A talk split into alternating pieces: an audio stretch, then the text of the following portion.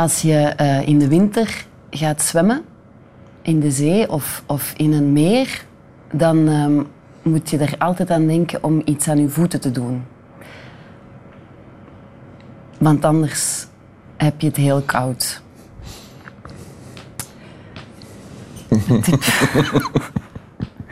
Welkom allemaal bij de allerlaatste aflevering van Winteruur, een programma. Eh, ik, heb, eh, ik heb een fantastische gast eh, bij mij. Hallo. Hallo, Wim Helsen. Ja. Moet ik u voorstellen? Mag, hoeft niet. Wim, een cabaretier, ehm, presentator van het programma Winteruur, vader van twee kinderen, Ja. Max en Mathilde, Ja? M&M. Ja, klopt. En ehm, dichter. Niet echt. Ik heb nog nooit een gedicht gepubliceerd. Nee, De moeite waard gevonden om eh, te Nee. publiceren. Maar je hebt een gedicht mee. Ik heb wel een gedicht mee, ja. Dat is al goed. Zal ik het voorlezen? Heel graag. Van Paul van Ostaaien. Eh, ik heb... eh, een Ik gedicht... ben heel blij dat je hier bent. Ah, dank u. Oef, ik twijfelde nog een beetje daaraan. Ja, dat, ik zag het. Ja, ehm, het gedicht heet Jong Landschap. Ja. Wil je het voorlezen? Ja. Jong landschap. Zo staan beiden bijna roerloos in de weide. Het meisje, dat loodrecht aan een touw des hemels hangt, legt haar lange hand op de lange rechte lijn der geit, die aan haar dunne poten de aarde averechts draagt. Tegen haar wit en zwart geruite schort houdt het meisje, dat ik Ursula noem, in het spelen varen met mijn eenzaamheid, een klaproos hoog. Er zijn geen woorden die zo sierlijk zijn als ringen in zeeboehorens en tijd getaand als een zeeboehuid, hun waarde bloot naar binnen schokken. Zulke woorden las ik gaarne tot een garve voor het meisje met de geit. Over de randen van mijn handen tasten mijn handen naar mijn andere handen, onophoudelijk. Voilà. Een gedicht dat op, de, op het eerste zicht nogal mysterieus is Ja. en ingewikkeld lijkt. Ehm, maar volgens mij is het dat niet. En wat staat er volgens, volgens jou? Ja, dus de eerste, het, de eerste strofe die we zien, daarin beschrijft Paul van Ostaaien een tafereel, een Ja. beeld. Dus er is een meisje, hij zegt die hangt loodrecht aan een touw des hemels, dus die staat heel mooi rechtop.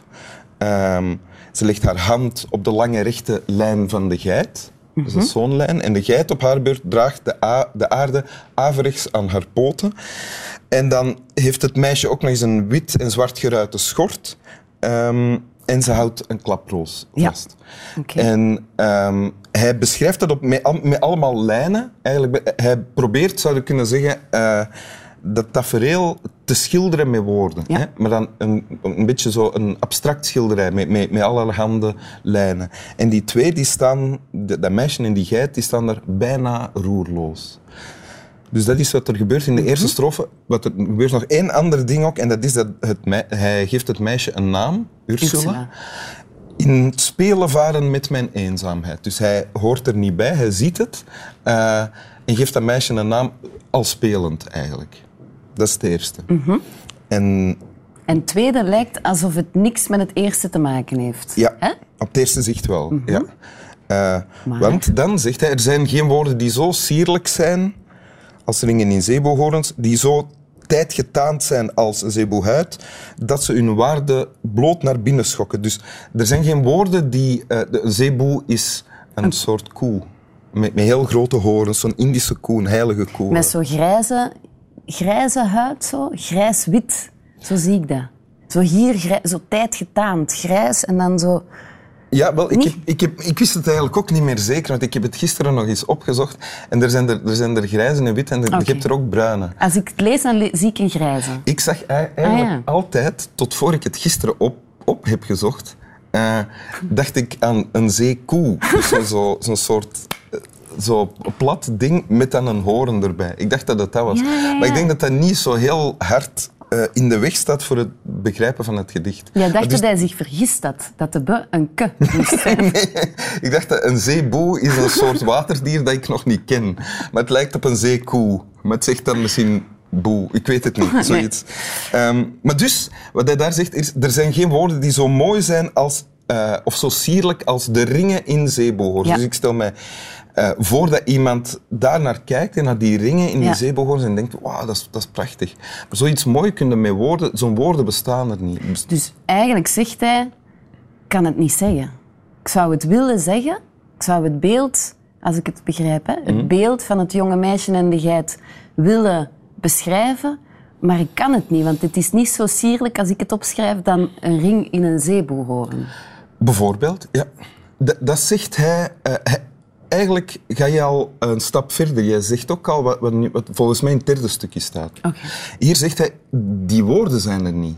Dus hij probeert het te schilderen met woorden. Maar hij zegt, er zijn geen woorden die kunnen vatten hoe, hoe dat, dat was, dat tafereel. Ik denk dan hoe mooi en vredig en harmonieus dat dat was en hoe hij zich voelde op dat moment dat hij het zag. Die woorden zijn er niet. Want als er wel zo'n woorden waren, dan las hij gaarne, die woorden gaarne tot een garve voor het meisje met de geit. En lassen. Bedoel, bedoelde hij de verleden tijd van lezen of bedoelde hij lassen? Nee, hij bedoelt, eh, zulke woorden zou ik gaarne lezen. Lezen. Ja, tot een garve. Oké. Ehm. En dan in het laatste, Wel ja, wat jij zegt nu, ja, ik weet eigenlijk niet wat, wat hij... Ik weet niet of lassen al bestond. Ja, nee, lassen zei bestond al. Ja, Ja. dat- ja. Maar het leek alsof je heel zeker wist dat het niet zo was. ja, dat weet ik dus niet 100% zeker, maar ik denk het, dat het eerder van geeft- lezen is. en op het einde geeft hij een conclusie. Ja, dus eerst, eerst is er dat tafereel dat hij probeert te schilderen, zeg maar, met woorden. Dan zegt van, die woorden zijn er niet. En dan het laatste eh stroofje, het kortste, het wordt altijd korter. Daarin zegt Ja. hij, over de randen van mijn handen tasten mijn handen naar mijn andere handen. Onophoudelijk. En wat dat je met je handen doet, is dingen vastgrijpen. Eh, maar als je handen blijven tasten, dan lukt het niet om het vast te grijpen. En dat is wat jij daarnet zei. Hè? Eh, het proberen Ah, ja. vatten, dat lukt niet. Hij blijft het proberen, onophoudelijk, eh, en het lukt niet. ja. Dat is het. Mag ik snel vragen, Ja? waarom doet u dat zoveel, dit gedicht? Of doet het u iets? Ja, ja, absoluut. Eh, een belangrijk ding is, ik heb zo, toen, toen ik 15 jaar was op school voor het eerst iets eh, gelezen van, van Ostaaien. En ik heb dat toen aan mijn vader verteld. Die heeft mij toen een boekje gegeven met allemaal gedichten van Van Ostaaien dat hij in zijn schooltijd nog had gekocht.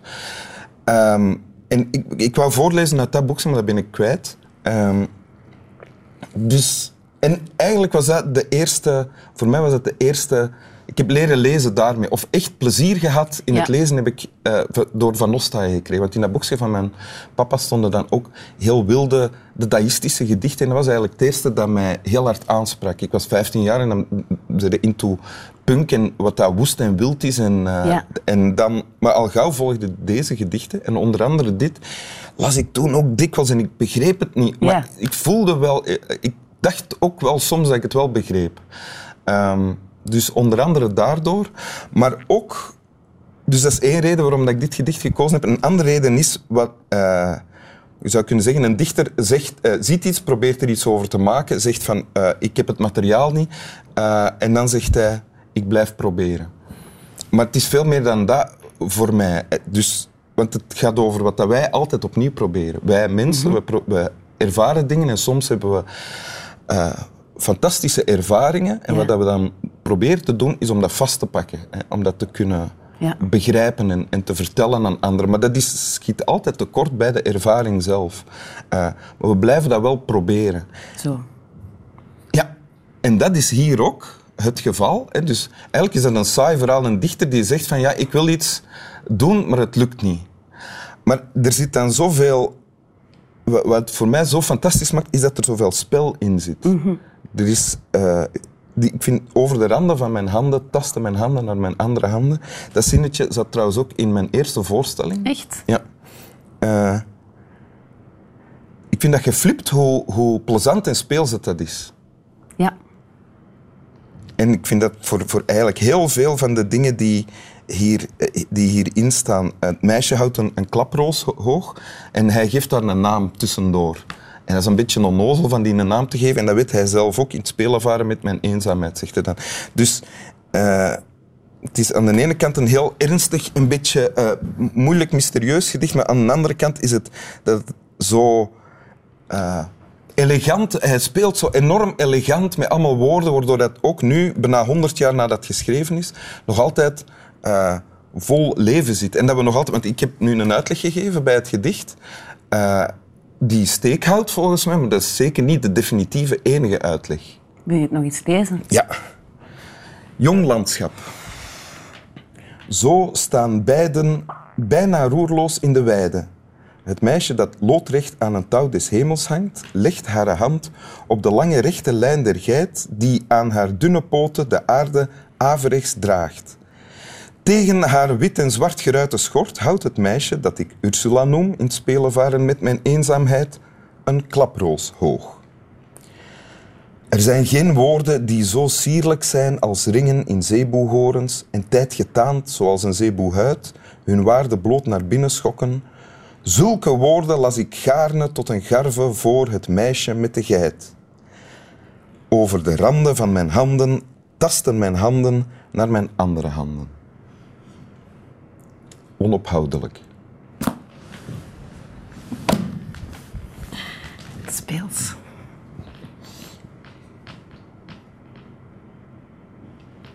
Slap wel. Snap je wel? Ik ging het wel zeggen. Ja, ik dacht, het vergeten. Weet je dat spelenvaren in het Engels whimsy is? Het, in het Engels moet het eens in het Engels lezen. Is het vertaald in het Engels? Whimsy.